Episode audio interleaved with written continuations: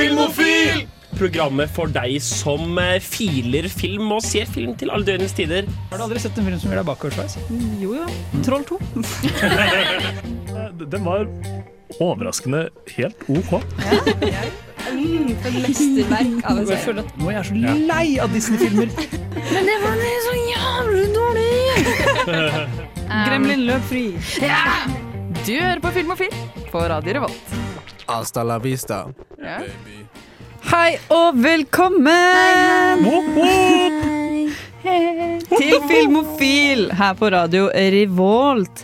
Og i dag så har vi en heidundrende sending klare for eh, deg der hjemme. Vi skal nemlig snakke om Oscar-utdelingen som var på søndag. I tillegg så kommer Til Anthony mandag, ja. Hopkins, uh, Denzel Washington er i studio, i studio så har vi besøk av alle! Steven Spielberg er her, og så Ja. klart Steven Dessverre Seagal. så fikk vi ikke Chadwick Boseman. Han svarte aldri. Nei, Ja.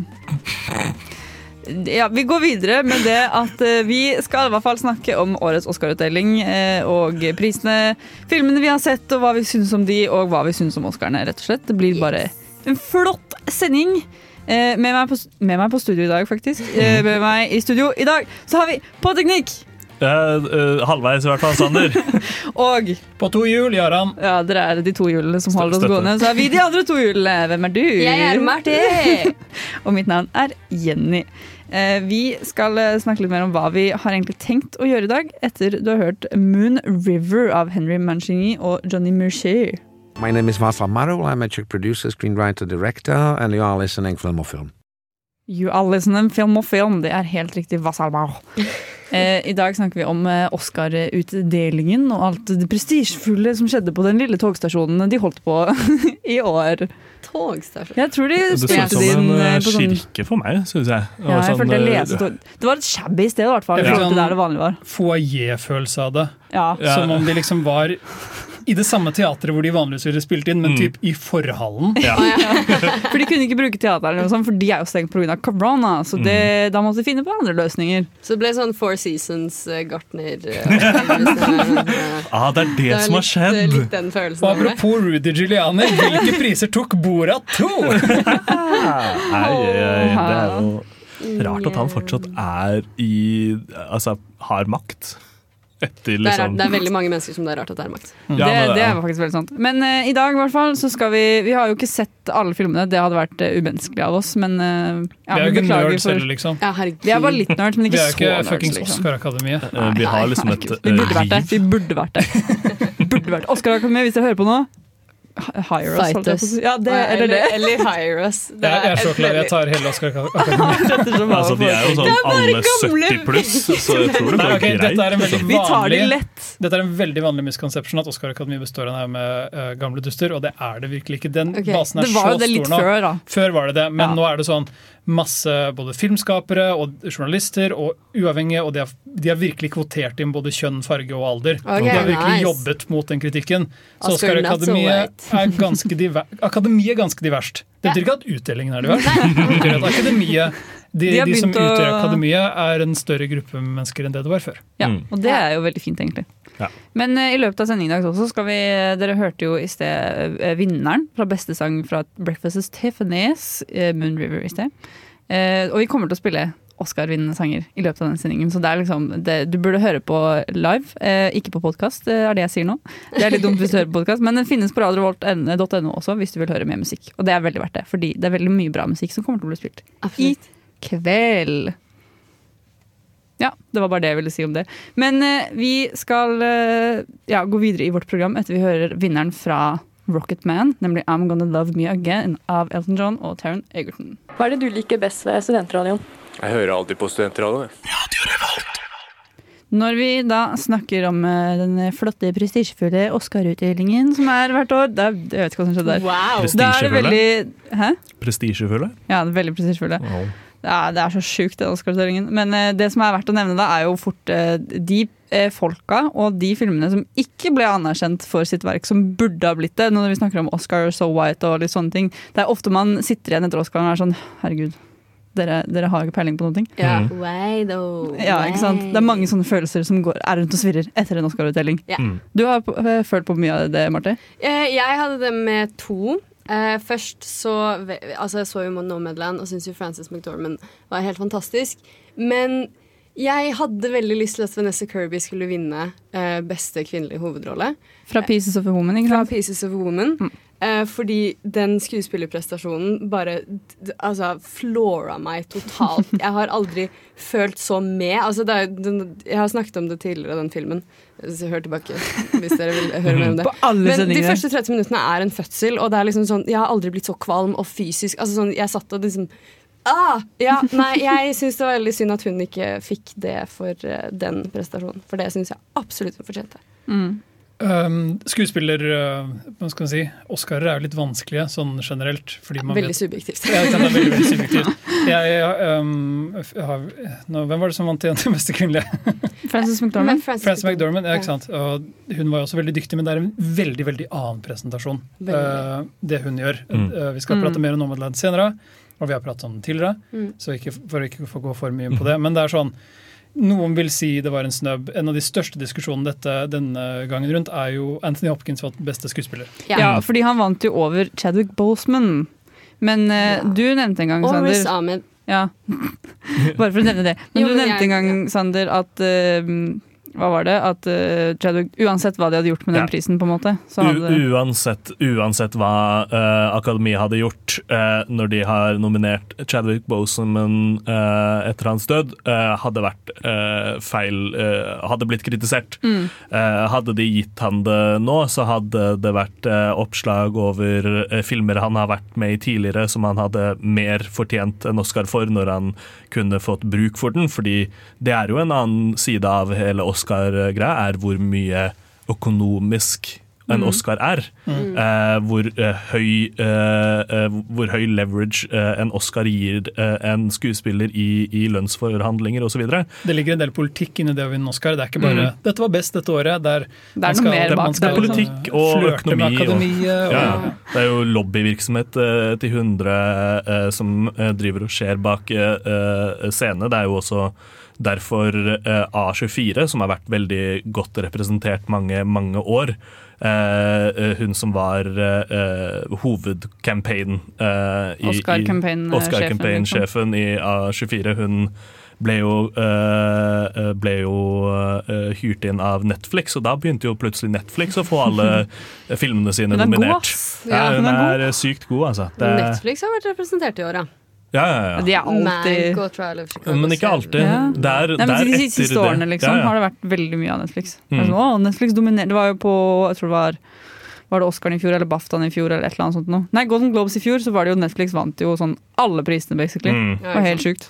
Ja, nei, jeg, jeg syns jo eh, fra en, en snubs, uh, snubb som jeg syns var skikkelig uh, synd, var jo rett og slett at ikke uh, Midtsommer ble nominert til noe som helst. Ja. Men dette var jo i Eh, forrige fjor. Forrige fjor, ja. Mm. så Å, ikke ja. til årets Oscar, Nei, nei. liksom? Nei, Nei. ok. Men årets. Oscar har jo vært veldig litt, litt rar med, med år og ting som kom ut litt tidligere og som ble nominert. Ja, det har gjort eh, en ting som det Ja. ha, Dette har skjedd før. eh, Nå prøver jeg å huske hvilke Oscar-utdelinger, men det at en film som måtte, kanskje egentlig hadde premiere helt tilbake i 2019, Ja. typ uh, Sauen Shaun Farmageddon, eh, ble jo nominert for beste animasjonsfilm i år, selv om den egentlig var en 2019-film. Ja, sant, Det ja. var den jo. Og fikk lov til å konkurrere med um, Soul, Soul. og Wolf Walkers. Og, Onward. uh, ja, det var en uh, spenstig anim Ja, Onward kategori. ble også nominert og var uh, dette året her. For kom ikke den ut for lenge siden? Nei, den kom ut i fjor. siden, Ja, den fordi, Den kom ut i fjor sommer. fordi 2020, 2020 var et skikkelig slitsomt år. Nå var det et langt år. 2020, 2020, 2020. 2020. Så langt har det vært. Omtrent så langt var det 2020. Ja. Så lang tid som Jarand bruker på å si 2020. Helt Jeg- ekstremt. Jeg har ikke hatt mulighet til å se 'Promising Young Woman' ennå, men jeg er litt sånn Jeg hadde en hard knapp på Mank for beste screenplay. Mm. Og dette skyldes både at uh, det er en film, et screenplay om et screenplay. Ja. Uh, så det var sånn Den tikket så mange av Akademiets bokser, i tillegg til at den var skrevet av faren til David Fincher, som da på en måte døde, og Mm. filmen var dedikert til han. Så jeg var sånn Hvis Akademiet ikke gir denne filmen uh, Oscar, så skjønner jeg ikke helt hva Akademiet driver med. Ja. Mm. Men jeg tror jeg skjønner hva de driver med. De ga den til Promising Young Women i Ja, stedet. sånn Ja. Det er en liten statement der. Det Ja. ligger politikk i dette, da, absolutt. Ja. Men den er er nok sikkert også veldig bra. Ja, ja, det er ikke sett den, så jeg har på en måte Ja, ikke mulighet til eh, å Mina har vel sett den og Mm. har rost den opp i skyene, så det er ja, Hun film hilste også og sa at hun uh, syntes han hadde Hun var likte den skikkelig god. kjempegodt. Og hun syntes ah, slutten var skikkelig sjokkerende. Ja, så den, den står i hvert fall på min watchlist, eh, kino-watchlist. Fordi Mm. vi har jo kino i Trondheim. Den, går faktisk på kino, den kommer på kino i neste uke, hvis jeg ikke tar helt feil. Mm, så tror jeg den kommer 7. mai, sto det en gang på Trondheim kino. Okay. Men det kan at de har endra det nå, da, så ikke ta, ikke Ja. ta det for god fisk. Men eh, det er snart, i hvert fall. Ja. Tror jeg. I mai en gang kommer den ut på kino. Jeg gleder meg. Altså. Jeg òg. Men man fikk jo muligheten, det er litt dumt til nå, da, men eh, i Trondheim så hadde de Oscar-helg forrige helg. Det var veldig koselig. Mm. Da, da kjørte de liksom eh, fire filmer som var nominert, liksom store filmer, Mm. til Oscar-utdelingen. Så da hadde man jo mulighet for å se. Og det var rød løper, og man kunne ta bilde med Oscar-statuettene. De originale, altså. altså Ja, de ekte de de bruker i de Ja, og så var alle skuespillerne der. Jeg vet ikke om dere fikk med dere det, men det var helt syk stemning. Ja, de hadde bare sendt inn rett og slett fra alle rundt omkring. Ja, ja, ja, ja. Bong Joon-ho hadde jo så mange fra sist at han eh, Han hadde noen til overs. Ja, han hadde Ja, noen til han hadde noen til overs til Trondheim kino. Eh, men apropos når vi snakker om snubs, nå skal vi få høre Zippadi Du fra The Song eh, of the South. Den er jo litt uh, spesiell. Den kommer jo fra den Disney-filmen Song of the South, uh, som er kontroversiell, to say the least. Så eh, Men Oscaren ga denne beste sang Den tilbake beste sang. i gudene husker når. Men Oscar So White. Men dere skal få høre på sangen. Hei, jeg heter Roar Uthaug, og du hører på Filmofil på Radio Revolt. Film og Feel, det er helt riktig. Vi snakker om Oscar-utdelingen og Yes. alt som eh, skjedde der. Og eh, jeg føler i det siste, i hvert fall, når Oscaren har begynt å skjerpe seg, så har det blitt liksom Det er historiske hendelser som skjer Mm. under hver Oscar nå. Føler jeg. I fjor var det Bong Joon-ho sin eh, Parasite-vinn, og i år er det også masse annet.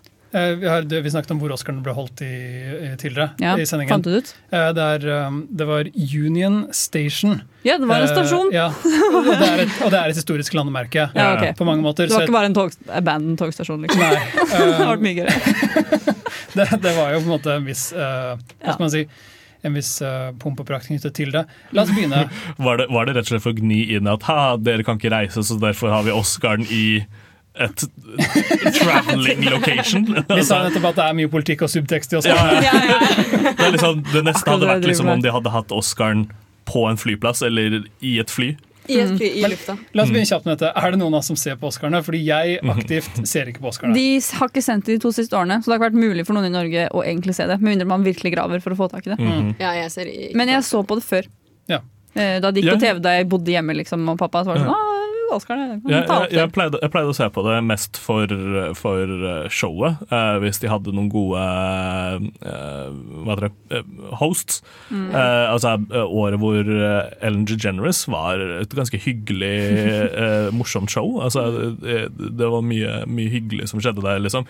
Annet enn liksom mye rare priser og så videre, men ellers var liksom Jeg syns eh, det, det er en viktig del som har bare blitt mindre og mindre og mindre med årene, eh, om hvem, hvem som hoster. Mm, ja. Ja. det. Det er liksom ikke så viktig nå lenger. Men eh, som jeg sa innledningsvis, så var det mye som skjedde. Historiske hendelser som skjedde under den Oscar-utdelingen. Blant annet så var det eh, Emerald Fennell som eh, lagde 'Promising Young Woman'. Hun er den første kvinnelige eh, for å vinne Oscar for beste originale screenplay siden eh, hun som lagde 'Juno' for 13 år siden. Ok. 13 år siden! Det tar så lang tid mellom, Ja, det er sjukt. Mm. Men dette var et sterkt år for kvinner uh, Ja, det på det. mange måter. Vi hadde to uh, kvinnelige regissører nominert for beste regissør. Og alle var sånn Wow, går det an?! Ja, Fins de også? Det er som da Obama ble president. var sånn, er det mulig? De kan også lage film, det er sjukt. Chloé Zhao vant jo, uh, Ja. og var Mm. også en av de første kinesiske Ja, The First Ja. Woman of Color er liksom det de har Hun Ja, har de kinesisk opphav, så det er Mm. første eh, kineseren og første woman of color. Da. mm, Som har vunnet for beste, beste director. Ja. Eh, jeg tror ikke det var for mm, res, eh, regi. Det tror jeg ikke det er historisk for. Men i hvert fall beste, beste film.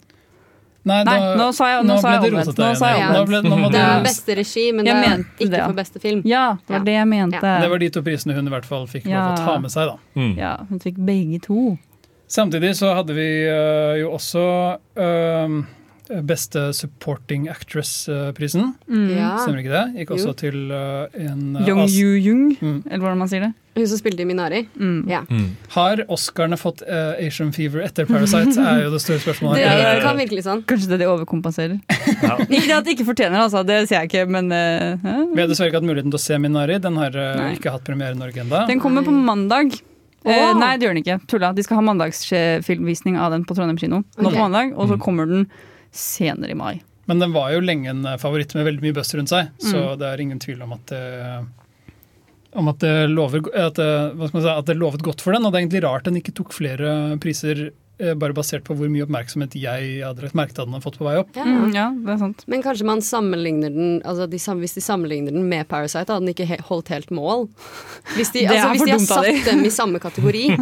Det er jo veldig dumt. Det er Men rart. plutselig, man vet aldri. Ja, vi får bare se den, og så får vi komme tilbake til dette her og Mm. kritisere de, eller rose de for valgene deres. Det er mulig Minari var en stor snubb, det vet vi faktisk ikke. Ja, vi Nei. aner ikke.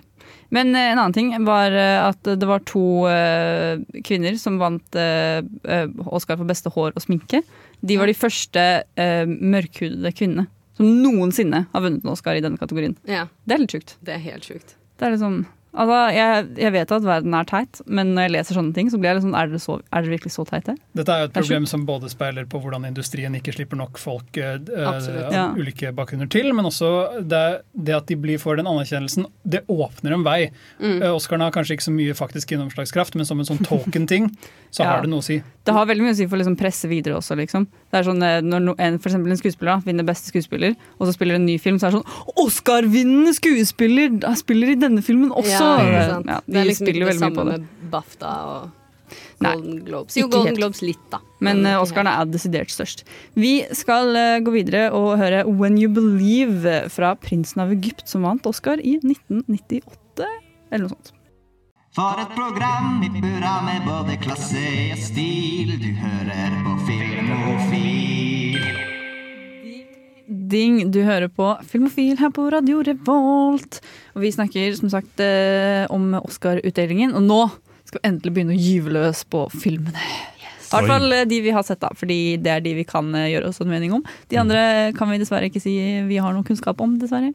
Men vi kommer sterkt tilbake når vi får sett de. Det er bare å vente. Men en film som ble nominert til seks hele priser, men som vant null! Årets store taper. Ja, årets store, store The taper biggest loser. Oh yes! Det er The Trial of Chicago 7. Mhm. Ja. Tenk at den ble nominert til seks priser og ikke syv, hvis den ikke skulle få noen uansett. Ja. Det hadde De vært kunne veldig lagd en egen bare sånn ekstra nominasjon som ha-ha, dere får ikke den heller. bare de som er nominert. The Trial of Chicago 7-Oscaren går til uh, Anthony Hopkins i The Father. Men dette var jo um, eh, en av Netflix sine produksjoner. Mhm. Netflix hadde det som en ganske stor produksjon. De var Mhm. ganske fornøyd med den og stolt med den og pushet den ganske hardt. Den, altså, de gikk jo hardt ut her, for den, fikk best, den ble nominert til beste film, beste uh, skuespiller i supporting-rolle, holdt jeg på å si. Mm. Særskilt, ja. Ja. Beste originalmanus, beste cinematografi og beste filmklipp. Beste, ja. Mm. Og beste sang. Uh, som Ja, altså ikke- redigering, altså filmklipping. Ja. Ja, det, Mm. Klippingen ser jeg. Ja. Eh, den, den kunne den ha vunnet for.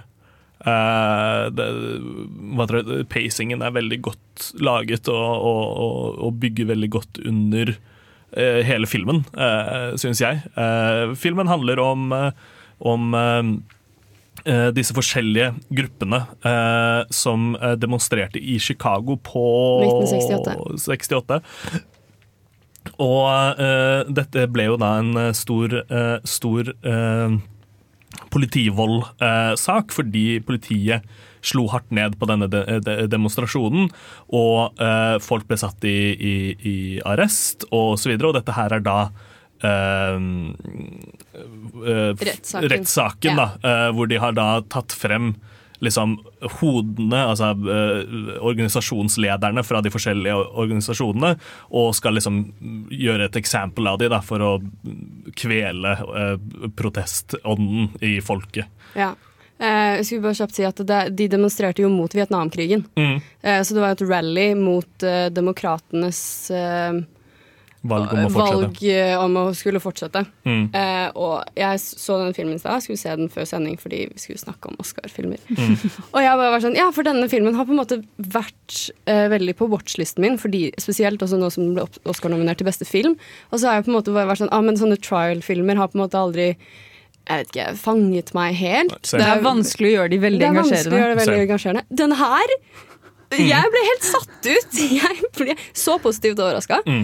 Så rørt, eh, så engasjert. Jeg satt og banna til skjermen. Ja, ja, ja. Det er en sånn, han, Jeg gjorde nesten også det, liksom. Dommer i den filmen. Han er så Nå må du sløpe slå av, hvis Ja. ikke så må jeg holde deg i contempt court.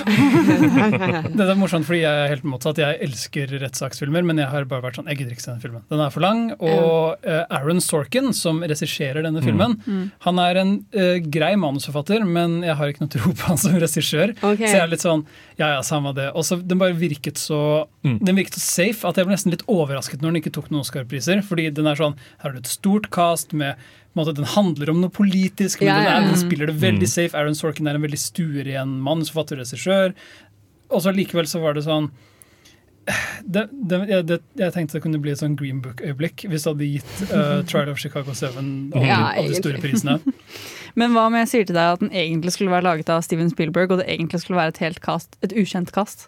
Jeg ville likt ukjent cast, men jeg hadde ikke følt noe sterkere om Spielberg, Spielberg. egentlig. Nei. For det det han- skulle egentlig vært laget av han. Ja, det skulle. Mm. Og så bytta de, for det var et eller annet eh, greier. Så det ble overført til han uh, nye regissøren. Vi har jo nylig sett, altså For et par år siden hadde Netflix miniserien When, you, uh, When They See Us, uh, Mhm. som handlet om uh, The Central Park Five. Ja, sant. Og uh, Mangrove, den første episoden til Steve McQueens uh, Mm. uh, Uh, Small Small Axe, uh, handlet jo også om The Mangrove Nine. Uh, så en del av disse historiene begynner å bli fortalt om de store rettssakene som har betydd noe for liksom, Ja. den lille fyren da, uh, som slo tilbake. Uh, og jeg, har, jeg liker ukjente kast mye mye bedre i den situasjonen, fordi det er Mm. veldig spennende med et stort ensemble. Men her har du jo Sasha Baron Cohen ble nominert, men det er jo på en måte et ensemblekast. Ja, du har Eddie Redmayne er med. Ja. Ja, Basse Og så uh, ja. J- Joseph Gordon-Lewitt. ja, og så er ja, sant det. Han spiller Mark Rylands, Alex Sharp, det er en del ja. sånne Ja. kjente karakterskuespillere der. veldig. Mm. Så Men som en som har, har sett filmen eh, også, jeg vil også si at jeg er litt lunken på den. Mm. I den forstand at jeg likte den veldig godt. Det er en veldig god film, men den fanget meg ikke like mye som det den gjorde for deg, åpenbart. Ja, jeg ble så riled up. Jeg ble helt, ja, ja. Men ja, traff meg. Den traff er, meg. mer, den er mer en gjenfortelling av historiske hendelser på en måte enn den er en ordentlig original og kreativ Absolutt. bra prosess, liksom. Men- Så jeg, Så det er jo, hvis man er veldig investert Jeg, jeg har jo lyst til å sånn ute ut i gatene demonstrere. Da, Mm. da treffer den filmen her Jeg tror du må se flere rettssaksfilmer. ja, jeg, tror, jeg jeg tror det det egentlig, for jeg har fått, fått liksom inntrykk av at det er litt sånn med men den den kom jo også denne- ut da midt under Minnesota. Den kom på et veldig aktuelt veldig tidspunkt. aktuell. Ja. Vi skal nå få høre årets vinner av beste låt, nemlig 'Fight for You' of Her fra Judas and the Black Messiah. Hi, it's Tony DeCino here, writer and director of The Furies, and you are listening to Film O'Phil. Oh yes. Og der eh, fikk du høre 'Fight for You' fra Judas and the Black Messiah, som ikke er tilgjengelig noe sted i Norge å se enda, dessverre. Mm. Den har premiere senere i året på Ja. kino. Eh, det har den helt sikkert. Sånn senere senere i året, eller vet du? Jeg, har ikke sjekket, og den kommer når den kommer. Jeg gleder meg til den. Mm. Det gjør jeg. Den Mm. ser uh, veldig kul ut. Mm. Men uh, det er verdt å nevne da, at den uh, Judas Black Messiah vant uh, beste mannlige birolle. Daniel uh, ja, Daniel Kaluya. Gjorde han? Ja, Mhm. best, Get kjent, out! ja, ikke sant? best kjent fra Get Out, og eh, også Black Panther, for så vidt. Ja. Mm. Men den ble også nominert til eh, fire, andre fire andre priser. da. Beste film, blant annet, og beste mannlige eh, Det var en Altså, annen den birolle. birolle, var en tror annen Ja, birolle. Ja, for det var to stykker som ble nominert til samme kategori. Ja. Yeah. Og Mm, Lakeith. Stanfield var nominert ved siden av Daniel Kaluuya. Og dette er den Mm. typen film hvor hvis jeg hadde sett den, så hadde jeg hatt vanskelig for å velge mellom de to. Jeg Mm. digger Lakeith Stanfield. Han har hatt et skikkelig godt tiår. Uh, Han var i Donald Glovers Atlanta, og han Mm. var i Sorry to Bother You. Ja, Som det er hovedkarakter. han, Det er Det er ja. han, ja. Ja.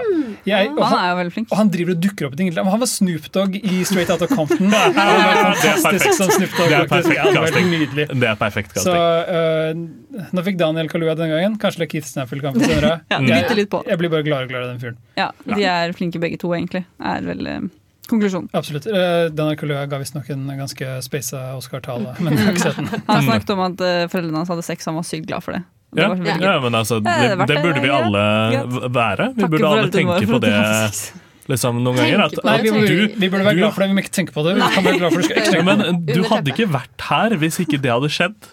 Skal vi Det er en snakke om, del av skal vi din snakke om egen film personlige istedenfor, for, Ja, Sander? film. Om film istedenfor? Det er en av Greit. ser for oss masse andre ting. Men vi kan snakke om noens far som har hatt sex. Fordi Mank var nominert for beste, beste originale screenplay. And you know that guy Den, fucks. Mank ble nominert til hele ti priser, egentlig. Det Det var var, en stor uh, Ja, men det var jo, det var jo en Oscar-base til 1000, da. Ja, uh, når du lager en film Absolutt. eh, basert rundt en av de mest kjente filmene. og en film som vant beste film Ja. tilbake. I 1942, tror jeg. Ja. Citizen Kane vant best film. Mm. Og den, den er jo um, Hva skal Vi vi si? snakker om Mank, da, hvis det ikke var tydelig.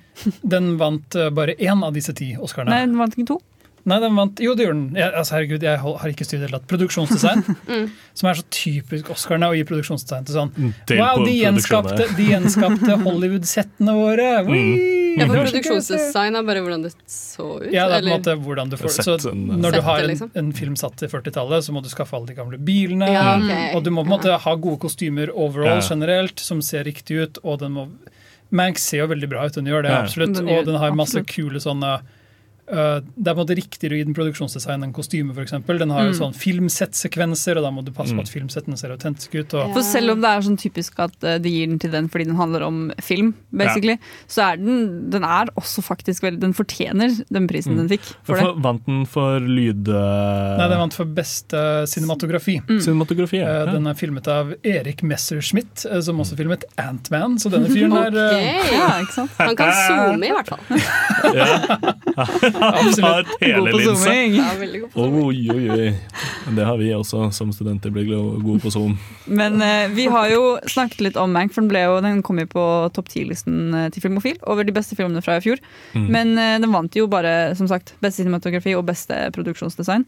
Men jeg likte Mank, og jeg hadde et håp for at den skulle ta flere priser. Ja. Eh, Det, det er veldig sånn typisk at Gary Oldman eh, ikke får Oscaren, Ja. men spiller en rolle hvor han knuser det, for han knuser det alltid. Ja, for han ble nominert til beste Han mannlige ble hovedrolle, i vel Han også vel Ja. nominert eh, til når han spilte Churchill i Darkest Hour. Var det ikke da han vant? Ja. Han? Da vant han. Vant han ikke? Var han det ikke, var det ikke, for Churchill. var det ikke sminke som vant? Å ja, kanskje det var det. Nå, jeg husker ikke. Ja, Det var noe med ikke. Gary Oldman, i hvert fall. Ja, Fordi ja, han men jeg, jeg, jeg lurer på om greia var at eh, de vant sminke fordi hvor- måten de Nei, hadde sminka opp. Nei, det vant beste mannlige skuespiller. Ja, vant Eh, Men der er jo den debatten med hvor mye av hans presentasjon er makeup, og hvor Ja, mye presentasjon er eh, skuespiller. Han ser jo ikke ut som Gary Oldman i det hele tatt. Han ser ut som Winston Churchill. I. Mank så ser han veldig ut som Gary Oldman, da. Det, det var Ja. første tanken min. var sånn, wow, shit, Det er jo Gary, det er sånn Gary Oldman ser ut. Ja. Endelig. Endelig får vi se hans ekte fjes. Mank er og var en bunnsolid film fra start til ende. Enda Ja. Netflix-produksjon som Netflix hadde stort håp på. Altså, fy faen så mange nominasjoner de fikk dette året. Det har vært andre studier som har fått nominasjoner her og der, men uh, Netflix, dominerer.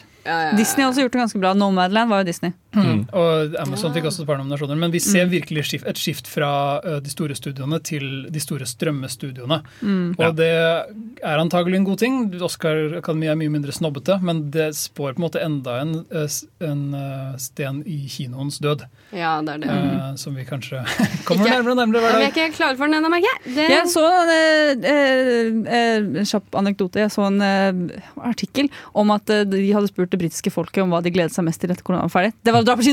Mm. Ja. Så det er ikke død helt ennå. Kanskje det kommer tilbake hypen fordi folk savner det. på Eller kino. som alle bare til England. Og der er de det. Men eh, vi skal nå få høre 'Recuerda me', eller 'Remember Me', fra Coco, som vant beste, beste låt fra 2018 eller noe sånt. Veldig, veldig fin låt. Bare hør her. Hei, dette er Nicolai Kleve Broch. Eh, Jeg vil bare si, hør på Filmofil, så får du med deg mye bra stoff om film. Du får ikke bare med deg bra stoff her på Filmofil på Radio Volt, du får med deg det beste stoffet! Fordi OK, Marte, det er greit. Okay, ja. Vi har i hvert fall eh, innsideskupet på Oscarene. Vi var nemlig der. Og uh, Vi var nemlig vi går der. rett til vår report, som fortsatt er live på Ja, vår utegående reporter Sandu er San, Sandu? Sander, er du med oss? Jeg, jeg har akkurat gått av toget på uh, Union Square Station. Var det det? Nei. Uh, Tiananmen Square, Station. Tiamen Veldig viktig. Står foran en tanks. Uh, jeg tenkte siden Tom eh, Hanks, mener du? Oh. Oh. T-Hanks! Jeg er flau over at jeg ikke kom på den før eh, det. Det var en veldig god spøk. Tusen takk, jeg prøver. jeg prøver. Vi driver jo med radio. Ja. Og, og, og vi er jo først og fremst et humorprogram. Eh, men eh, jeg, jeg tenkte vi kunne ta en liten dypdykk i Oscar moments. Eh, Mhm. Fordi jeg som sagt er jo en som liker å se på Oscarene for showet, og ikke for Eh, altså, Utdelingene gir meg veldig lite. Talen er så lite kjedelig. Ja, som regel er det det. Snakker om Eh, at jorda må bevares og sånn. Dette, dette kan jeg bare det- si veldig For dette året så var det skikkelig sånn De hadde en DJ istedenfor et orkester. Og da, fordi de, de kunne ikke ha folk som spilte den musikken. Så nå var det bare sånn Fy faen, han prater for lenge, så kunne de bare trykke på sånn play. Og så kunne de bare Det var ikke bare sånn oiko, oiko, oiko, oiko, oiko. Nei, det, var, det var ikke sånn, det var ikke sånn Yo, yo, scratch! sånn DJ Oscar in the house! Beste film går til Anthony Hopkins eh, står der og sier takk, og så er det så kanskje This old fart is talking too long! Eh, ja, nei, eh, så eh, hvis det hadde skjedd, så hadde det vært absolutt noe av grunnen til at jeg hadde sett på Oscaren i år, men det er ikke noe som interesserer meg. Men for det er noen, noen sånne legendariske øyeblikk som jeg, jeg tenker tilbake til. Uh, jeg snakket om Ellen DeGeneres eh, tidligere i, i eh, sendingen eh, om det året, og det, det året hadde en god del fantastiske øyeblikk. Som eksempel da de eh, eh, innså at dette her tar veldig lang tid. Er dere sultne og bestiller pizza? Det er den legendariske selfien. Eh, den legendariske selfien Mm. eh, er der òg. Skulle bryte en rekord over antall kjendiser i et eh, bilde. Men da hadde vi noen pizza også i bildet også. En eller sånn Instagram-like-rekord. Ja, helt sikkert. Så, Det var sjukt bilde. Det, det syns jeg er eh, veldig nevneverdig. Jeg syns også at eh, den når, når Jennifer uh, uh, Lawrence uh, vinner for, for Silver. Linings Playbook og gjør det mest menneskelige og mest sånn Ah, hun er en av oss! Ja. Og tryner. Relatable meme til 1000. Ja, det, er, det, det, det var jo så, så menneskelig tryn i den trappa. Alle alle har tråkket feil i en trapp og gått akkurat på samme måte. Men altså, i sånn kjole også. Ja, ja. Og høye hæler, Og hun har sagt i et intervju at hun tenkte sånn fordi du må kickwalke når du skal gå opp. Og så var hun sånn under halvveis hun Cakewalk? Hva faen er det for noe? Og så, så, jeg ser den så sykt, selvfølgelig. Det Liksom, er eh, mange som har ramlet på Oscar nå. Det er bare å skrive sånn YouTube, uh, Oscar ceremony du Men det er alltid gøy å se på folk falle. Det er sånn en compilation av eh, R2D2 som faller i behind the scenes på Star Wars også. Det er kjempegøy. Jeg elsker det så det er bare, Han står stille og så bare mjau, og så faller han. R2D2 kan ikke gå opp trappene for å ta imot Oscaren sin. Nei, Bare ikke sant. Det er kjempegøy. Men han har sånn jetbooster er under, tror jeg. Ja. Ja, men, eh, det var jo ganske sjukt i, sånn, på tidlig 2000-tallet, når Shrek var i salen og sånn. Når han var uh, Og animert for Madagaskar-pingvinene plutselig bare gravde seg opp på scenen. Ja, Jesus tidlig 2000, eh, sånn 2000-talls-Oscarene. Det har skjedd mye rart. Altså. Ja. Mye greier. Nei, men det en, Et annet legendarisk øyeblikk i mine øyne var vel fra forrige fjor, når, uh, når eh, Spike Lee uh, vant og eh, tok imot eh, eh, Oscaren fra Samuel L. Jackson og hopper og klemmer rundt han. Altså Samuel Jackson som er ganske svær, og Spike Lee som er ganske liten.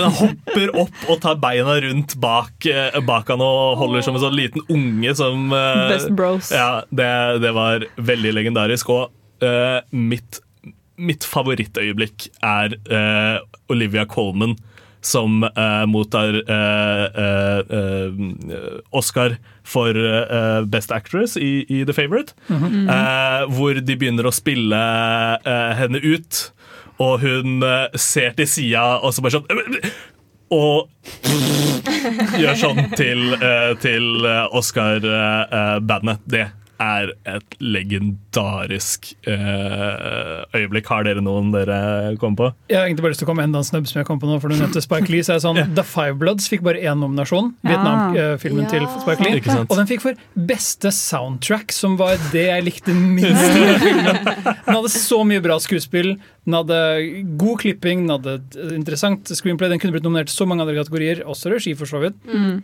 Den fikk beste soundtrack. Det var bare sånn token. Jaran er sur! Ja, men Spike Lee lagde faktisk noe ganske spennende. Ja, han gjorde det. Men eh, en annen ting, bare for å komme tilbake til eh, Best Moments, Det var jo noe som skjedde under Oscaren i år også. Som var, det, var, det var noe som skjedde selv om det ikke skjedde så veldig mye. på en måte.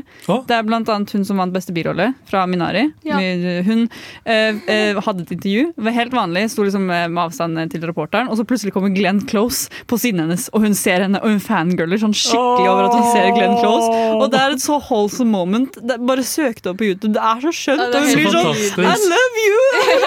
Det er kjempesøtt. Og siden hun også elsker Brad Pitt i takket av. Altså. ja. Hun er en bra dame. Jeg gleder meg til å se Minari liksom, bare pga. henne, egentlig. Ja, ja nei, og bare se eh, en compilation av eh, Bong Joon-ho sine, sine taler om eskaleringen om hvor mye han skal drikke for hver, eh, hver Oscar han vant. Så mye røre røre i fjeset Ja. hver pris han kommer opp til. Det er veldig gøy. Vi skal nå få høre Fame fra Fame, rett og slett, her på Radio Revolt. Radio Revolt! Faen! Vi her i Filmofil er her fortsatt etter den bangeren av en låt, nemlig Fame fra filmen Fame. Jeg er svett. Martha har dansa veldig mye. Vi eh, går over til å snakke om enda en film eh, som var nominert for eh, beste film, faktisk, men som ikke vant, eh, åpenbart, fordi vi snakker om Sound of Metal. Som Martha anmeldte i Filmofil en liten stund tilbake, Ja. hvor du blant annet sa at eh, du håpet at den skulle vinne et eller annet for, eh, Jeg tror for du sa lyddesignet skuespill og lyd var vel de to tingene Skuespill du og Ja, heiet på. det var det du Eh, kåla. Og lyd! Det fikk den! Yay! Og Dette er et, et godt eksempel på at uh, folk er sånn Jeg lurer på hvem som kommer til å vinne Oscarene. Og så er det sånn, det er ikke så vanskelig. Bare se på hva de har vunnet på alle de andre prisutdelingene før, og så kan Mm. du måtte ta gjennomsnittet, og så er det den som vinner. Ja. Og um, uh, Det var jo slik at den var nominert for beste lyd, beste klipping, og så var den også nominert for beste film, beste skuespiller i uh, altså, Beste mannlige skuespiller Ja. og beste mannlige birolle. Eh, Beste kvinnelige birolle, var det vel? Nei, beste mannlige. Paul, Paul Rossi, han Stemmer det, som han med eier den døve- institusjonen. ja. Ja. Ja. Og den vant jo f.eks. Uh, beste klipp og beste lyd på BAFTAene. Mm. Den vant beste uh, skuespiller på Screen Actors Guild Awards. Den har vunnet Nei, den var masse nominert, greier. mener jeg. Beklager. Ja. Poeng- Poenget er, Ja. det er på en måte de prisene han allerede har vunnet og vært nominert for. Det går liksom igjen om igjen om igjen. om igjen. Ja. Og um, det var veldig velfortjent. Ja, Lyddesignet er jo det, er jo, sjukt det bra. bærer jo filmen, på en måte. Men Ja. jeg synes, jeg, jeg var litt sånn Jeg vet at det er mye rundt mannlig eh, hovedrolle, hvem som skulle vinne det, og Chadwick Boseman og alt det der. For jeg var litt sånn Jeg syns Riz Ahmed fortjente det, fordi han spiller så nakent, og han spiller, gjør så mye Ja, ut av så lite. Han er veldig ja, ja. Jo, men det òg. Men, men det er liksom sånn Jeg følte sånn hele, Han spilte hele filmen med øynene sine, nesten. For han hadde Ja. de mest intense øynene i hele verden. Han Og jeg spiller bare, Han er så dyktig, han er så flink. Så jeg skulle gjerne sett eh, at han fikk fikk man trodde liksom at han var døv, liksom. Ja, den var, den var veldig uh, imponerende skuespill, og lyden hjelper jo ikke sant, å på en måte, få frem rollen. Så jeg, jeg tenker på en måte at det var en, en slags sånn uh, kompensasjon å si sånn. Vi anerkjenner i hvert fall Ja, ja, ja. ja. um, lydelementet når den vinner. Samtidig så syns jeg ofte at det er veldig typisk at Oscarene, Oscaren går til den mest flashy versjonen. ja. Typ, uh, kanskje de sammen rett og slett var litt for subtil. ja jo. Mens uh, lyddesignet var på ingen måte subtilt. Lyden i altså, Sound of Metal var sånn Vi gjør dette med lyden, vi har en gimmick. Mm. Ja. Og det er veldig ofte at Oscarene kan finne på og Akademiet kan finne på å gi det til gimmicken. fordi det er der Hæ? 1917? What? når det, Beste cinematografi fordi den har en gimmick? Nei! Det er et kjempegodt eksempel, eh, selv om det også var liksom, Det er godt jobba, og lyden i uh, Sound of Metal er godt jobba. Bare fordi det er en gimmick, betyr ikke det at det er dårlig, liksom. Nei, absolutt ikke, men det er, det er veldig sånn eh, det er ofte, Man kan veldig fort tenke at jeg tipper den med gimmicken vinner, og så er det Ja, nesten alltid det som skjer. Det er veldig lett gjett, på en måte. Det er en forutsigbar ting, fordi Ja. det er der folk legger merke til det. Det er det folk vil prate om. Mm. Som for eksempel Mank var jo også nominert til beste lyddesign i Ja, for år. det var den jeg tenkte jeg kom til å vinne Men jeg det. husker ingenting fra lyddesignet til Mank. Nei, men Mank har en veldig sånn uh, gøyal tilnærming til lyden, fordi den prøver av og til å gjenskape en del av den uh, litt sånn tinete lyden fra gamle filmer. Og Mm. det er jo en veldig sånn uh, Oscar-filmrunk-stemning. Ja, Ja. ja, ikke sant? Akkurat. Fy faen, vi elsker gamle filmer! Ah! Men det er akkurat det som er poenget mitt. Da, at sånn, man husker jo Sound of Metal fordi den var så spesiell med akkurat dette. Mm. Sånn, alle de andre de var sikkert bra, de òg. Sånn som Mank og Soul og de andre som var nominerte. Men eh, Sound of Metal er liksom Det er hele greia med filmen, er er i lyden. tittelen at de skal vinne den prisen. Sound! Ja, ja. Of the metal. Ja, of the metall. Mm, metallet fra Oscar-statuen, da. Ja, ikke sant? Ja, det, det det de det som lyden. hooka jo til akademiet på den. De burde Ja. jo sett det. Mm. De bare skrev filmen var sånn dette, Nå har dere ikke noe valg. Neste år så lages det liksom sånn Gi oss en fuckings Oscar, eller så dreper vi en hund.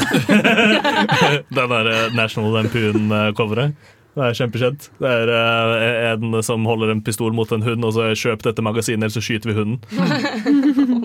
Så dølert mot Ja, tiden. Bra markedsføring, da. Kanskje det funker. Kanskje, kanskje Mm. vi burde tipse alle filmskapere der ute nå. Det er Kall filmen deres ned. det er min idé. Det er min idé. Da får du lage film, Gøran. Jo, jo, men ha den kategorien du vil vinne mest i mente når du skriver tittelen på filmen. liksom. Ja. Altså, det er jo ikke en dum idé, det. The dressing up of et eller annet. Altså, altså, de skal ha kostymeprisen! The Og så vinner of a sånn- murderer that will murder again if he doesn't win makeup at the Oscars. det. Det høres ut som en kjempegod idé. Jeg tror vi må tipse alle om at dette er det de burde gjøre. Ja. Eh, Vi skal nå få høre Oscar-vinneren fra Eight Mile, nemlig 'Lose Yourself' av Eminem. Hei, jeg er eh, Agnes Kittelsen, Og jeg er Aksel Henning, og det er viktig at eh, dere hører på Filmofil. filmofil. Veldig viktig at akkurat du hører på Filmofil i dag, for i dag snakker vi om Oscar-utdelingen. Og apropos historiske eller eh, gøyale øyeblikk på Oscarene, Sander. Det var jo Eminem eh, dukket plutselig opp på Oscar i fjor og fremførte 'Lose Yourself'. Ja. Bare helt randomly uten at noen visste at det skulle skje, fordi han ikke hadde fått sjansen til å fremføre den da han vant Oscar for Ja, beste sang. sang. men også var det vel også noe jubileum. Av, eh, det var Det vel godt eh, x antall år eh, siden Det hadde akkurat vært Eight Miles siden han vant Oscar. Han hadde gått eight miles Ja. siden han vant til han fikk prisen. Ikke sant? Nei, men det, det er jo fantastisk. Det er jo mange gode GIF-klips av Martin Scorsese som absolutt ikke likte det, og Billie Eilish som er litt sånn Å, oh, mm, Ja. Det var veldig blandede reaksjoner på det. Jeg synes det var veldig sånn, hva, hva, hvorfor? Men Mm. eh, så leste jeg at det var fordi Eller mest sannsynlig det var fordi han ikke fikk fremføre den. Da, Det var jo sånn, yes, you go!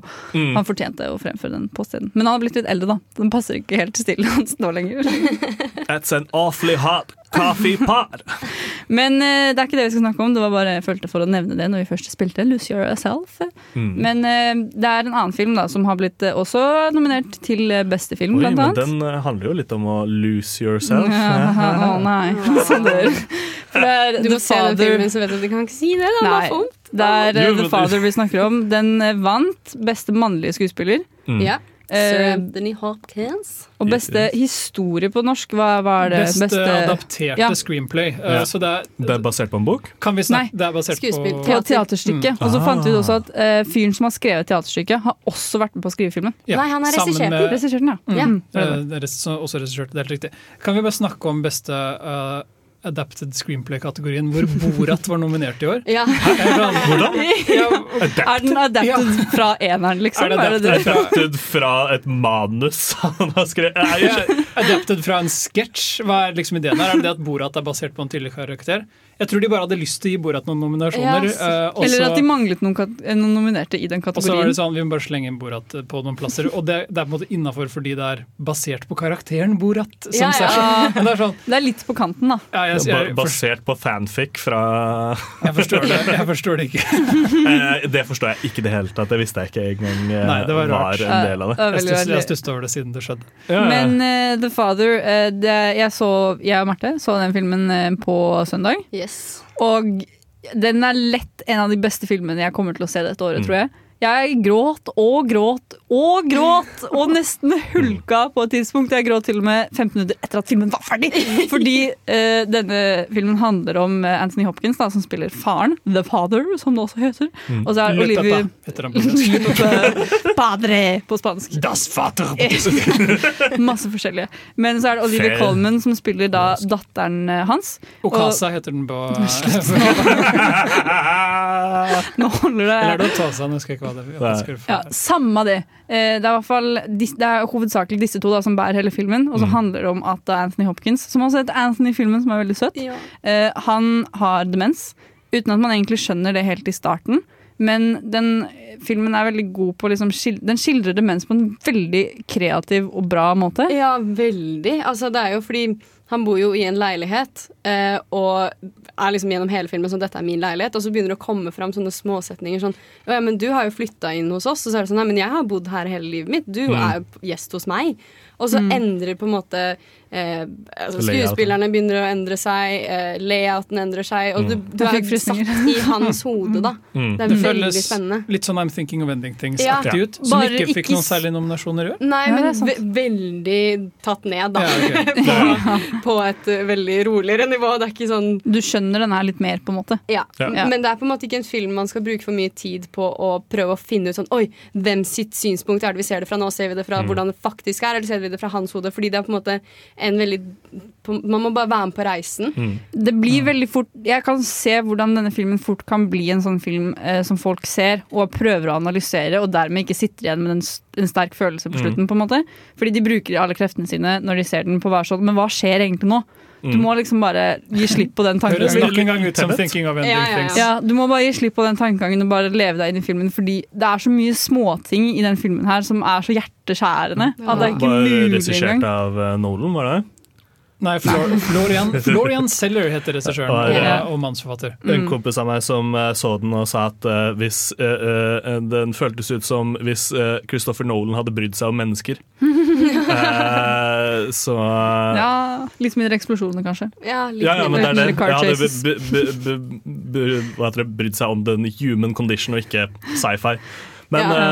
uh, ja, nei, den, den virker sykt, sykt bra, og er- jeg vet at jeg kommer til å uh, grine noe helt uh, sjukt. Mm -hmm. uh, altså Faren min er jo 70, 71, eh, så han nærmer seg jo litt sånn glemmeting-alder, så det blir skummelt. Mm, men det er også bare veldig kjapt å nevne at det føles også veldig ut som de som har skrevet filmen og laget filmen, Har de har noen De har demente personer i nærkontaktene sine, på en Ja. måte. Ja. Det er veldig veldig troverdig til hvordan liksom, Ja, hele prosessen er. Og det er så fint å se, og det er så bra gjort, og de tar så sykt respekt for alt. Og det er, ja. Du har jo mye erfaring med dette, du er jo dement. Uh, som en av grunnene til at disse sendingene er så utrolig lite Men uh, her er nok et tilfelle av at den vant beste adapterte eh, screenplay, og den vant beste mannlige skuespiller. Nok en gang hadde BAFTAene rett, som uh, fikk rett for Sound of Metal også. Mm.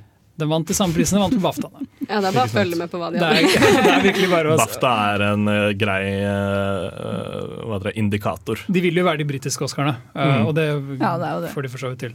Uh, Det som uh, var greia her, eller den prates mest om, er jo Anthony Hopkins, som vi nevnte tidligere. Mm. Det skjedde noe rart. Vanligvis på Oscarene så deler du ut prisen for beste film til slutt. Fordi det er litt sånn den gjeveste prisen. Mm. Ja, Det så er det får folk til å på. sitte og se I år så delte de ut uh, prisen for beste skuespiller til slutt. Mm. Uh, de ga ut best- Mannlige skuespiller. Ja, mannlige skuespiller. Som sender et rart signal både om på måte, hvem som er den viktigste skuespilleren, Ja. uh, og også på en måte blir en um, litt sånn Det var en keitete måte å gjøre det på, da, for det er best film alle venter på. Mm. Så mange spekulerer om grunnen til at man gjorde det, handlet om at man ville gi den til Chadwick Boseman. ja, for da hadde det vært en Og da hadde det vært en liksom, hyggelig oppsett. måte å slutte Ja. på, mens da ble det bare litt sånn kleint. Ja, det ble liksom Er, er dette slutten Og så var han jo ikke der til å motta prisen engang, så det ble jo bare sånn Ja, han, han sikkert også tenkte at, at Chadwick Boseman skulle vinne. Takketalen til Anthony Hopkins er veldig søt. da Han, er, han står der og bare sånn jeg, er veldig takknemlig, og så vil jeg Mm. bare så heter han Chadwick. Det var veldig søt. Anthony Hopkins fortjente den også, da, egentlig, Ja, ja. fordi han han var jo Han spilte sykt bra i The Ja. Father. Det skal sies. Vi skal nå få høre City of Stars fra La La Land.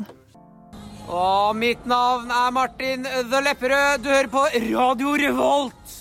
Og Oscar spesial her hos Filmofil. Og vi jazzer videre i programmet og skal snakke om eh, filmen som vant beste animasjonsfilm i år. Og Det- beste soundtrack. Beste ja, beste musikk. soundtrack også. Uh, Men uh, det er jo animasjonskategorien har vært litt sånn Mm. Ja, Vi har snakket om dette en tidligere sending i fjor eller noe sånt med Oscar-utdelingen. At uh, animasjonsfilmkategorien pleier å være, liksom, være litt sånn Ja, vi bare gir den til noen, på en måte. Vi bare gir den til Disney. Men, ja, men uh, det er litt sånn nå. Men jeg føler i hvert fall alle som, har vært, alle som var nominert i år til den kategorien, er veldig bra animasjonsfilmer også. Det har kommet mye bra animasjon dette år. Ja, Ja, det, var, eh, det var deilig å se på en måte altså Det var et godt spenn, men at det var veldig kompetente og vellagde animasjonsfilmer. Wolfwalkers var nominert. Mm. Ja. Kjempe, jeg hadde, Jeg syns den skulle vunnet, egentlig. ja, men jeg var litt sånn 50-50, for jeg syns også Soul var veldig god. Men det var nesten så du Ja. kunne gitt Soul beste screenplay. Ja. Uh, Ja, eh, det, og best musikk var kjempevelfortjent. Atticus, uh, nei, um, Atticus Ross og um, eh, Nå glemte jeg helt hva uh, Trent Reznor fra Nine Mm. Inch Nails Mm. altså, slo den ballen virkelig ut av Ja. altså, Ekte homerun. De Ja, ja, hadde også scoret på Mank, så de var litt sånn. Ja. Shit. Eh, I tillegg så var jo soundtracket til um, Soul en god blanding av jazz og på en måte sånn elektronika, Mm. Som var veldig kult. Veldig, ja, veldig kult Det var et veldig soundtrack. gøyalt soundtrack. Veldig sprettent og lekent og passet kjempegodt med filmens uttrykk. -hmm. Ja, og jeg likte Soul og måte, lyden av Soul veldig veldig godt. Så det var veldig velfortjent, i hvert fall akkurat den. Det var jo Ja. kanskje Pixars mest ambisiøse film siden Innsiden ut. Ja, det vil jeg Ja. si. Som også vant Oscar for beste animasjonsfilm. Ja, Ja, altså Pixar bare leverer, egentlig. Ja. Når det kommer når Pixar lager en god film. Jeg så gledet jeg, har jeg gledet meg til kjempelenge. Liksom. Da de sa at den kom ut, var jeg sånn Yes! Sign me up! Den skal jeg se. Mm. Og så ble den jo på streaming, da, som var litt dumt. Men uh, den var fortsatt den det var verdt, verdt venten, Ja. egentlig. Vi har jo snakket om den før også. Den kom jo på syvendeplass på lista vår over de ti beste filmene fra i fjor. Mm. Ja, Så det sier også litt om den, da. Og vår rangering av den filmen. absolutt. Ja, jeg, eh, jeg har jo snakket om at jeg ikke syns den Jeg syns den eh, snubla litt på målstreken. Ja. Men det er litt sånn Det er min drøm om filmen, på en måte. Eh, og jeg ser nøyaktig hvorfor de ikke gjør det, og jeg godtar det som i en eh, barnefilm, og ikke ender det med, eh, ender det med en veldig lykkelig eh, slutt, og ikke en bittersweet uh, eh, slutt, eh, forstår jeg veldig eh, godt. Men eh, jeg synes jo da Wolf Walker som en helhetlig film er en bedre film, egentlig. Det er et veldig ambisiøst prosjekt, hvert fall. Ja, Ja. Wolfwalkers er jo på en måte et helt annet uttrykk, og man burde slå et slag for håndtegnet animasjon. Man kunne Mhm. også gitt den til Sauen Shaun Farmageddon, som er claymation, som også Ja, er måte imponerende, og stop motion alltid veldig gøy. Mm. Uh, men animasjonskategorien er en litt sånn hva skal man kalle det, en can of worms, et slags sånn vepsebol som Oscarene Boss Baby vant, for eksempel. ja, jeg, er, jeg tror de er litt forsiktige med det, fordi jo mer du begynner å prate om hva det vil si å være en animert film, jo mer Mm. blir det sånn Skal vi begynne å nominere voice actors for beste skuespill? Mm. Ja. Hvordan gjør vi det når Andy Serkis kan bli nominert for CGI-ape? Eller Ja. Goldum? Eh, den typen ting. Og så, Mm. Og så, er det, så begynner man å prate om sånn Ja, men hva er forskjellen på visual, altså spesialeffekter Ja, og eh, animation, og animasjon? Og så Ja. blir det en helt sånn uh, den, I- En samtale Oscarene må ta snart, men det er fortsatt en sånn. Altså, I mine øyne så er det jo liksom Avengers Endgame en animasjonsfilm. Det kunne like så godt vært det. Ja, og. Justice League er jo Ja. 60% animasjonsfilm. Ja, men samtidig så er det sånn uh, Det er greit å ha en kategori for liksom helt rene animasjonsfilmer. Da, fordi sånn som de, Justice League og alle de der, det er jo elementer hvor det skal se veldig virkelig ut. Animasjonsfilm sånn som Pixar, nei, sånn som, Pixar, sånn som Soul og Wolfwalkers. Det er ikke meningen det skal se ekte ut. Det er meningen det skal se litt sånn barnslig og lekent ut. På en Jo, men også deler av det ser veldig ekte ut. Mm. Type Soul er Ja, en Soul veldig realistisk uh, Byen bygjengivelse. Men samtidig er jo menneskene liksom De er tegna på en måte som man Ja, ja. ser at det er liksom Ja, Men- det Ja, der men, igjen men så så kan kan du jo ta... si at eh, Rocket ikke ser så veldig ekte ut, og ikke de der eh, minionsene til Thanos ser Nei, heller nei, ikke så men ekte ut. Men det er, helhetsinntrykket til filmen. da. Jeg syns det er greit å ha Ja, ja. en kategori som liksom hedrer de filmene også. Ikke, hvis du skulle satt opp eh, Avengers mot f.eks. Soul, da, og Mm. så hadde Avengers vunnet i beste animasjonsfilm, da hadde jeg blitt kjempesur. Ja, men det er fordi Avengers er en dårligere film enn Soul. Det som skjer her er jo, Det Problemet er jo at, at uh, animasjonsfilmene har potensial til å være bedre enn den beste filmen det året, på en måte, som ikke er animert. Ja. Så blir du på en måte utestengt fra å få leke med de store gutta, da, fordi animasjonskategorien blir sånn Ja, Vi har en sånn er skikkelig jo- eh, kunstnerisk ambisiøs film, Mm. og Boss Baby. Ja, men der igjen så kan man jo også ta diskusjonen sånn, fordi det er så veldig mange forskjellige måter å lage animert film på. Burde man begynne å dele opp animasjonsfilmkategorien også? Ja. Hvorfor ikke? Ja, ikke sant? Hvis det kommer nok filmer. Så. Dette det har vi jo snakket sånn- om før, fordi Kubo and the Two Strings var er en animasjonsfilm Ja. som var nominert til beste visuelle Mm. effekt ja, eh, tilbake i 2014. ok. Mm. Så dette har man alltid lekt seg litt med, men de er fortsatt litt sånn Det er litt, det er litt uklare. Oskar har ikke lyst til å liksom, ta Ja, den det- diskusjonen helt det er jo litt det som var det store forrige når eh, Parasite van, Øh, vant. Så er det jo det vant jo som internasjonal film, men òg som beste, eh, Best Picture, som var ganske sjukt. Fordi før så var du på en måte enten var du international, eller så var du i Best Picture, på en måte. Mm. Ja, så da begynte du å leke seg litt med det. Og i år vant uh, Tenet beste visual effects, Ja, som er en film med ganske mye praktiske effekter. Ja. Ja. Eh, Ja, men den er veldig flink til å bruke spoleknappen. da. Det kan den! Beste rewind-button. Vi skal nå få høre Theme from Shaft fra filmen Shaft. En banger! Hi, this is Brian Usen. I'm the producer of Reanimator and the director of Society, and I'm with the Filmophile people, and uh, we're all having a great time. Vi har det ekstra gøy her når vi snakker om Oscar-vinnende filmer og de som ble nominert for årets, eh, på årets Oscar-utdeling. Og eh, noe vi nesten må snakke om, er eh, den som vant beste utenlandske film i år. For det er nemlig Skandinavia! Å, fy faen. Tenk at vi er liksom i Skandinavia er på samme nivå som Bang John-Hos in Parasite, liksom. Det er tøft, ass. Jo, men jeg vil påstå at Et glass til, eller druk som det heter på dansk, eller Another Round som det heter på engelsk. Ja, har så mye titler, den. Har så mye titler.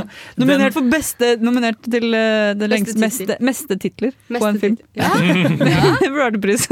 Videre får den av Firesen av Filmofil. Thomas Winterberg, det er bare å komme og hente den. Mm. Eller uh, Sturla Brandt Grøvlen, som er uh, den norske fotografen som mm -hmm. filmet filmen. Trønder. Ja, vi har en fot innenfor. Det har vi. Mm. Uh, så vi er på vei ut her. Eller i hvert fall noen fra Trondheim holder stand der ute. Holder stand eller standard? Eh, jeg, kanskje til og med standard. Det er eh, på alle måter deilig med eh, litt sånn utenfra påvirkning inn i Hollywood, og det har de bare godt av. Mm. I dette tilfellet, Thomas Winterberg eh, burde jo ha vunnet sin første Oscar for beste internasjonale film for 'Jakten'! Den forrige filmen han gjorde. Ja, lagde han den, Som jeg ja. elsket. Det er den med han som blir Blir anklaget for for barnevold tatt eller på- barnetrakassering. tatt på noen liksom. barn i Ja, det var den, ja. Eh, også spilt av Mats Mikkelsen. De, er, de har god smid, de, tydeligvis. Absolutt. Mm. Og um, Thomas Winterberg er en veldig spennende og dyktig regissør på en del måter. Mm. Han ble nominert for beste regi. Ja, som Eh, også er uh, historisk, er det ikke det? Jeg tror jeg leste om at det var best, Første første utenlandske som har blitt nominert til beste regi, liksom. Uh, Bong Joon-ho ble vel nominert Ja, eh, etter Bong Joon-ho, da, Ja. tror jeg. Nummer, ja, så nummer to. Ja, nummer to, nummer to. Så det er fortsatt ganske sjukt, da. At, Ja. særlig to år på rad, liksom. Ja. Oscarene prøver Det virkelig er, å det er jo, jeg tror det er litt sånn at så fort én gjør det, så har du brutt ned den barrieren. Ja. uh, før så var det veldig liksom sånn Det var veldig Enten så er du internasjonal film, eller så er du i, i Hollywood og er i, i, eh, i eh, Best Picture-kategorien. Mm. Uh, men Parasite da, eh, brøyt den veggen da, eh, ved å bli nominert og vinne eh, de andre kategoriene. Og da er det fort at en film som, som Et glass til da, kommer og, og, og, og kan gå gjennom det hullet som, eh, som Bong Joon-ho har eh, laget. Han har brutt gjennom veggen, bare Ja, ja. rom for alle. Sparka ned døra. Ja. Hei, hei. Lurer på om Amerika ser den. Det er jo den store debatten rundt sånn Mhm. undertekster, som også var i filmen Parasite. Ja. Og folk er sånn If I wanna see a movie and not read a book Så liksom kommer folk til å se den. Er Amerika mottagelig for å snakke om skandinavisk drikkekultur? Ja, for det, er det. det er ikke sikkert at den treffer på samme måten Nei. der borte. Men det er jo, den handler jo på en måte om mer enn bare skandinavisk drikkekultur. Den tar jo på en måte et oppgjør, eller den eh, snakker litt om da, hvordan alkoholisme, liksom alkoholisme og hvor, den fine balansen der. Da, Mm. Og tar det opp en veldig Ikke at jeg har sett filmen, men jeg så et intervju hvor de sa det.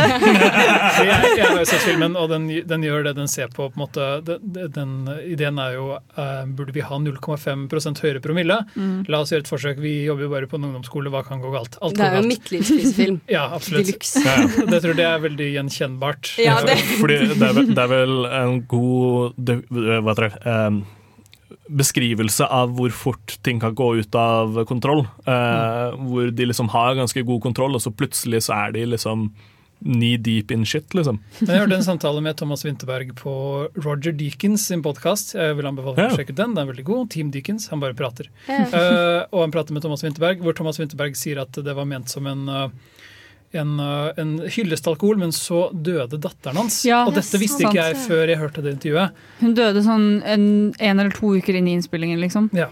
Det var, Og det endret visst filmen litt, men det, så det er jo absolutt kjempeinteressant. Men de, skrev, de har jo sagt i intervjuer sånn at det gjorde bare båndet deres på sett mye sterkere. Da. Så det var jo Mm. Det er veldig koselig å høre, da. Men det er ikke veldig koselig å høre at hun eh, datteren altså, da. Det er veldig trist. Men eh, vi skal nå få høre Jai Ho fra Slubdog Millionaire. Hei, det her er Josten Pedersen på Radio Revolt. Radio Revolt, 12 points. 12 points to film og fail her på Radio Revolt, hvor vi snakker om Oscar-utdelingen. Og nå har vi på en måte gått gjennom ganske mange sofistikerte priser og nominasjoner og alt sånt. Men noen kategorier jeg føler blir liksom gjenglemt. I hvert fall jeg, jeg skal ta meg selv og gjøre det. Eh, Glemme litt de eh, andre kategoriene som er sånn kortfilmer og sånn. Mm. Det pleier jeg gjerne å være sånn, det bryr jeg meg ikke så mye om, men jeg burde jo bry meg om det. Jeg tar meg selv i å være litt eh, teit der. Men eh, det er jo bra ting som kommer fra de kategoriene også. Ja, do, både altså kortfilm, dokumentar, Mm. kortfilmkategoriene er en av de stedene hvor man ofte får anbefalinger på ting man ikke har hørt om før. Mm. Eh, Fordi man eh, er litt dårlig på å følge med på hva som skjer på kortfilmfronten, f.eks. Ja. Så jeg også burde absolutt bli bedre på å sjekke det ut. I år så fikk jeg sett både beste animert kort, kortfilm og beste live action kortfilm. Mm. Uh, og de vant Oscarer. Eh, Beste animerte føltes veldig fortjent. Ja, Eh, If anything happens, I love you. Å, Mm. gud. Kniv i brystet. ah. Nok en Netflix-produksjon, Ja, ja, ja. men dette, det, er jo, det var jo en veldig intim, eh, et personlig prosjekt. Fra, Altså, den ligger på Netflix? Ja, det den. Ja. Eh, den ble nominert og vant, eh, og den, den sto annet mot Pixar sin animerte kortfilm 'Burrow', som kom samtidig med, Mhm. med 'Soul'. Eh, og den føltes mye mer personlig, for det handler om et par som har mistet barnet sitt i en skoleskyting. Og jeg, eh, Mm. jeg grå, Den er tolv minutter lang, jeg gråt etter ett minutt. Ja. Eh, jeg gråt resten av filmen. Eh, den er ganske røff. Og mye følelse på en gang. Veldig mye følelse på kort tid. på kortfilm. Kortfilm. Ja.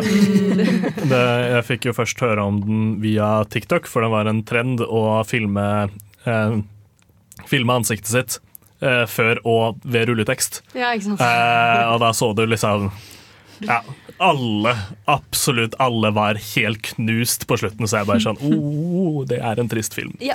Den er, eh, den er ikke trist som i at den har en handling som på en måte, du må investere deg, og så blir du lei deg. Den bare er et sånn følelsesmessig portrett av, av, Av den, hvor vondt det er. da. Det er som Ja. at filmen bare kommer og slår deg i hjertet. liksom. Ja, Den finner på en måte sted i et slags sånn emosjonelt et følelsesmessig tomrom, hvor Mm. bare de følelsene er veldig til stede. Filmen blir veldig veldig sår. Mm. Eh, den handler jo, den har jo på en måte en politisk undertekst i at den er anti-skoleskyting. Men ikke at, det er, ikke at det er politikk, alle er anti-skoleskyting.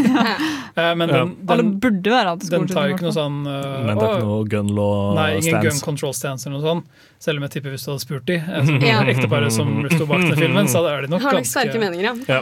Derimot, eh, live action-kortfilm, eh, Two Distant Strangers, Ja. nok en Netflix-produksjon. Ja? Um, utrolig politisk og handler om politibrutalitet i Amerika. Ja, ikke sant? I Veldig hovedrollen finner vi aktuelt. Joey Badass, fyren som vil bli skuespiller. Altså, dette, er en rapp, dette er en rapper som jobber hardt for å komme inn i skuespillerbransjen. Og han er ikke så verst. Uh, Men det er jo ganske godt jobba å ende opp uh, i en Oscar-nominert film. da. Jo, jo. Altså, selv om det er en kortfilm, Nei, nei, men, men han var sånn i Mr. Robot i to, to sesonger, og Ja, ja, ja. Han, er, han er absolutt en artig fyr. Uh, han eh, spiller en karakter som våkner opp etter et one night stand og skal bare hjem til hunden sin, men i et ganske fint nabolag. Mm. Og uansett hva han gjør, så blir han eh, på vei hjem drept av en politimann. Sånn samme hva han gjør. Det er samme. Ah, politimann hver gang. Oh. Og han ender opp i en Mm. sånn timeloop hvor han blir drept eh, hver eneste gang. Og filmen uh, refererer Det blir nesten litt sånn ubekvemt, fordi den refererer veldig tydelig til type Ja. George Floyd med sånn I can't breathe. Ja, ja. Den putter masse navn på skjermen Ja. uh, mot slutten og gjør det veldig tydelig at den på en måte er ha- det er et poeng som absolutt ikke trenger å være subtilt. Det er bare hyggelig at man slår det over hodet med det, for det er Mm. viktig at Amerika skjerper seg. Mm. Men den føles nesten litt utnyttende på en måte, som gjorde at jeg ble litt sånn litt Ja, At de overdriver litt. Nei, Ja, mer, altså, sånn mer sånn. Sightguisten. Altså de, de, de releaser den liksom i en veldig vel, Når dette er en veldig hot button issue, det er ganske kort tid etter at eh, George Floyd eh, eh, døde, og da Ja. å lage en film som på en måte bruker Og prepper det veldig på da, virker det Ja, som. Da, men- er det litt, da kan det være litt mye. Men det, det jeg syns eh, hørtes dritkult og bra med den, er jo det å bruke timeloop uh, for å fortelle at uansett hva du gjør, selv når du vet at han gjør dette her, så er det, det, er, det er som en eh, liksom langfinger til alle de som sier ja, men han burde ha gjort dette, han burde ha gjort dette Mm. Dette i er en veldig All cops are bastards-type film. Ja. uh, og det, Amerika er jo litt der akkurat nå.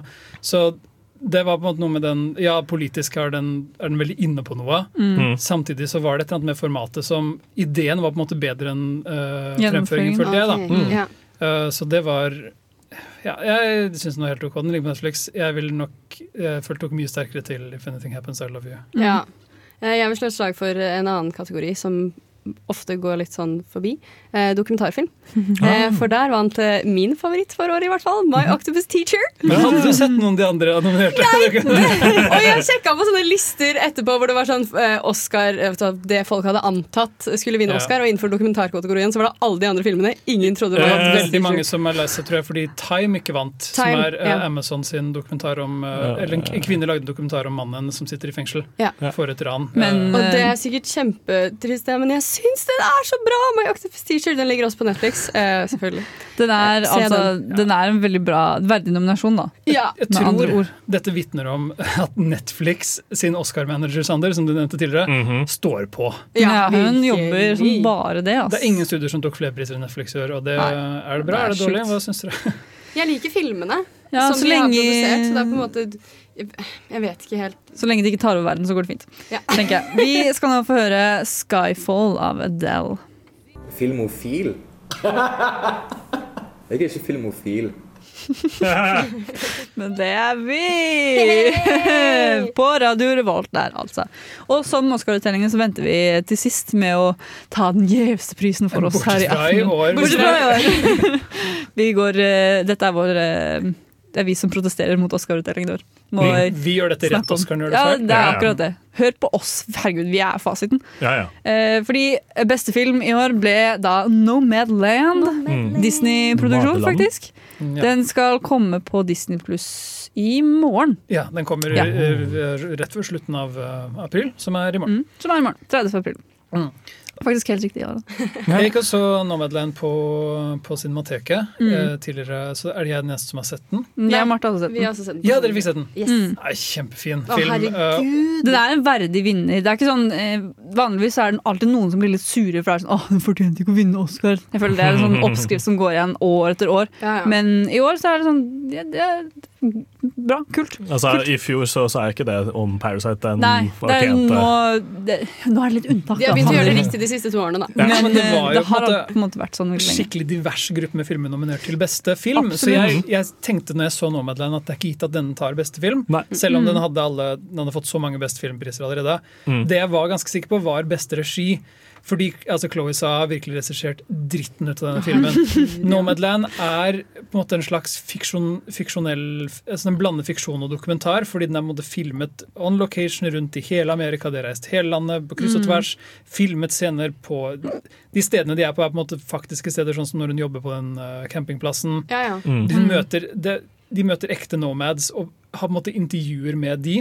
Mm. Og det er så vakre mennesker! Ja, så de er seg selv, hun dama som har kreft og skal til Alaska, liksom. Ja, Swanky. Ja, hun er seg selv, Ja, ja, ja. Og det er så Eh, hjerteskjærende. Det, det var sånn fra starten av når de begynte å snakke sammen. Så fordi du fortalte det at dette var ekte mennesker før Mm. vi dro for Mm. filmen, Ja. som jeg setter sykt stor pris på. Fordi jeg begynte å grine med en gang disse menneskene begynte å snakke. For jeg var bare sånn Og så når hun fikk den videoen og jeg bare, det, Ja. ble mye Det er jo, Med en gang rulleteksten starter, så står det jo det. Altså, så da traff det er sånn, Jeg visste jo det på forhånd, jeg òg, men det traff meg liksom ekstra i hjertet. Når rulleteksten kommer, så står det Linda May, Ja. Swanky. Og, Åh, det er så fint! Dere er så Mm. flinke! Og så var de på Oscar-utdelingen også, de er så søte!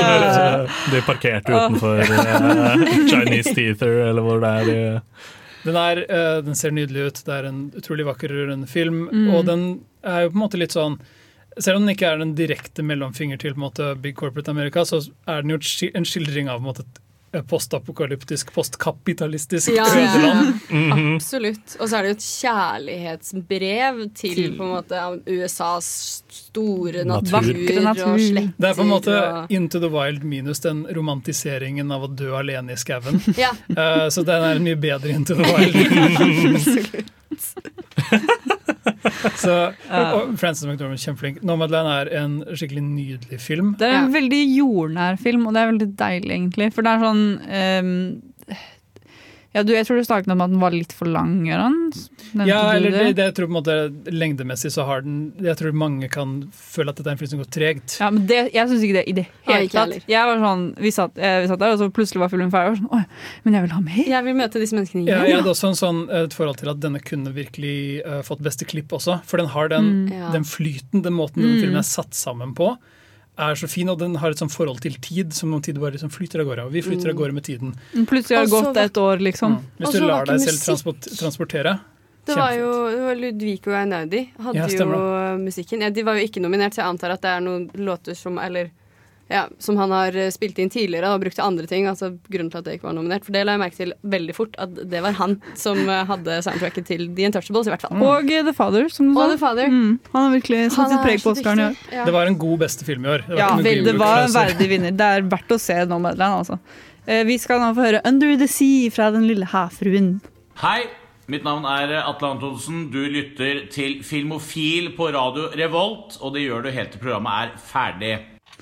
Og nå er vi dessverre ferdig for i dag, og dette er også litt vemodig, for det er eh, mest sannsynlig min, Marte og Jaran sin siste offisielle Filmofil-sending. Men jeg forblir her for alltid. Nå skal vi ha det vemodig her litt. Sander, først. Nå må du nå gå vekk. Du skal være her videre.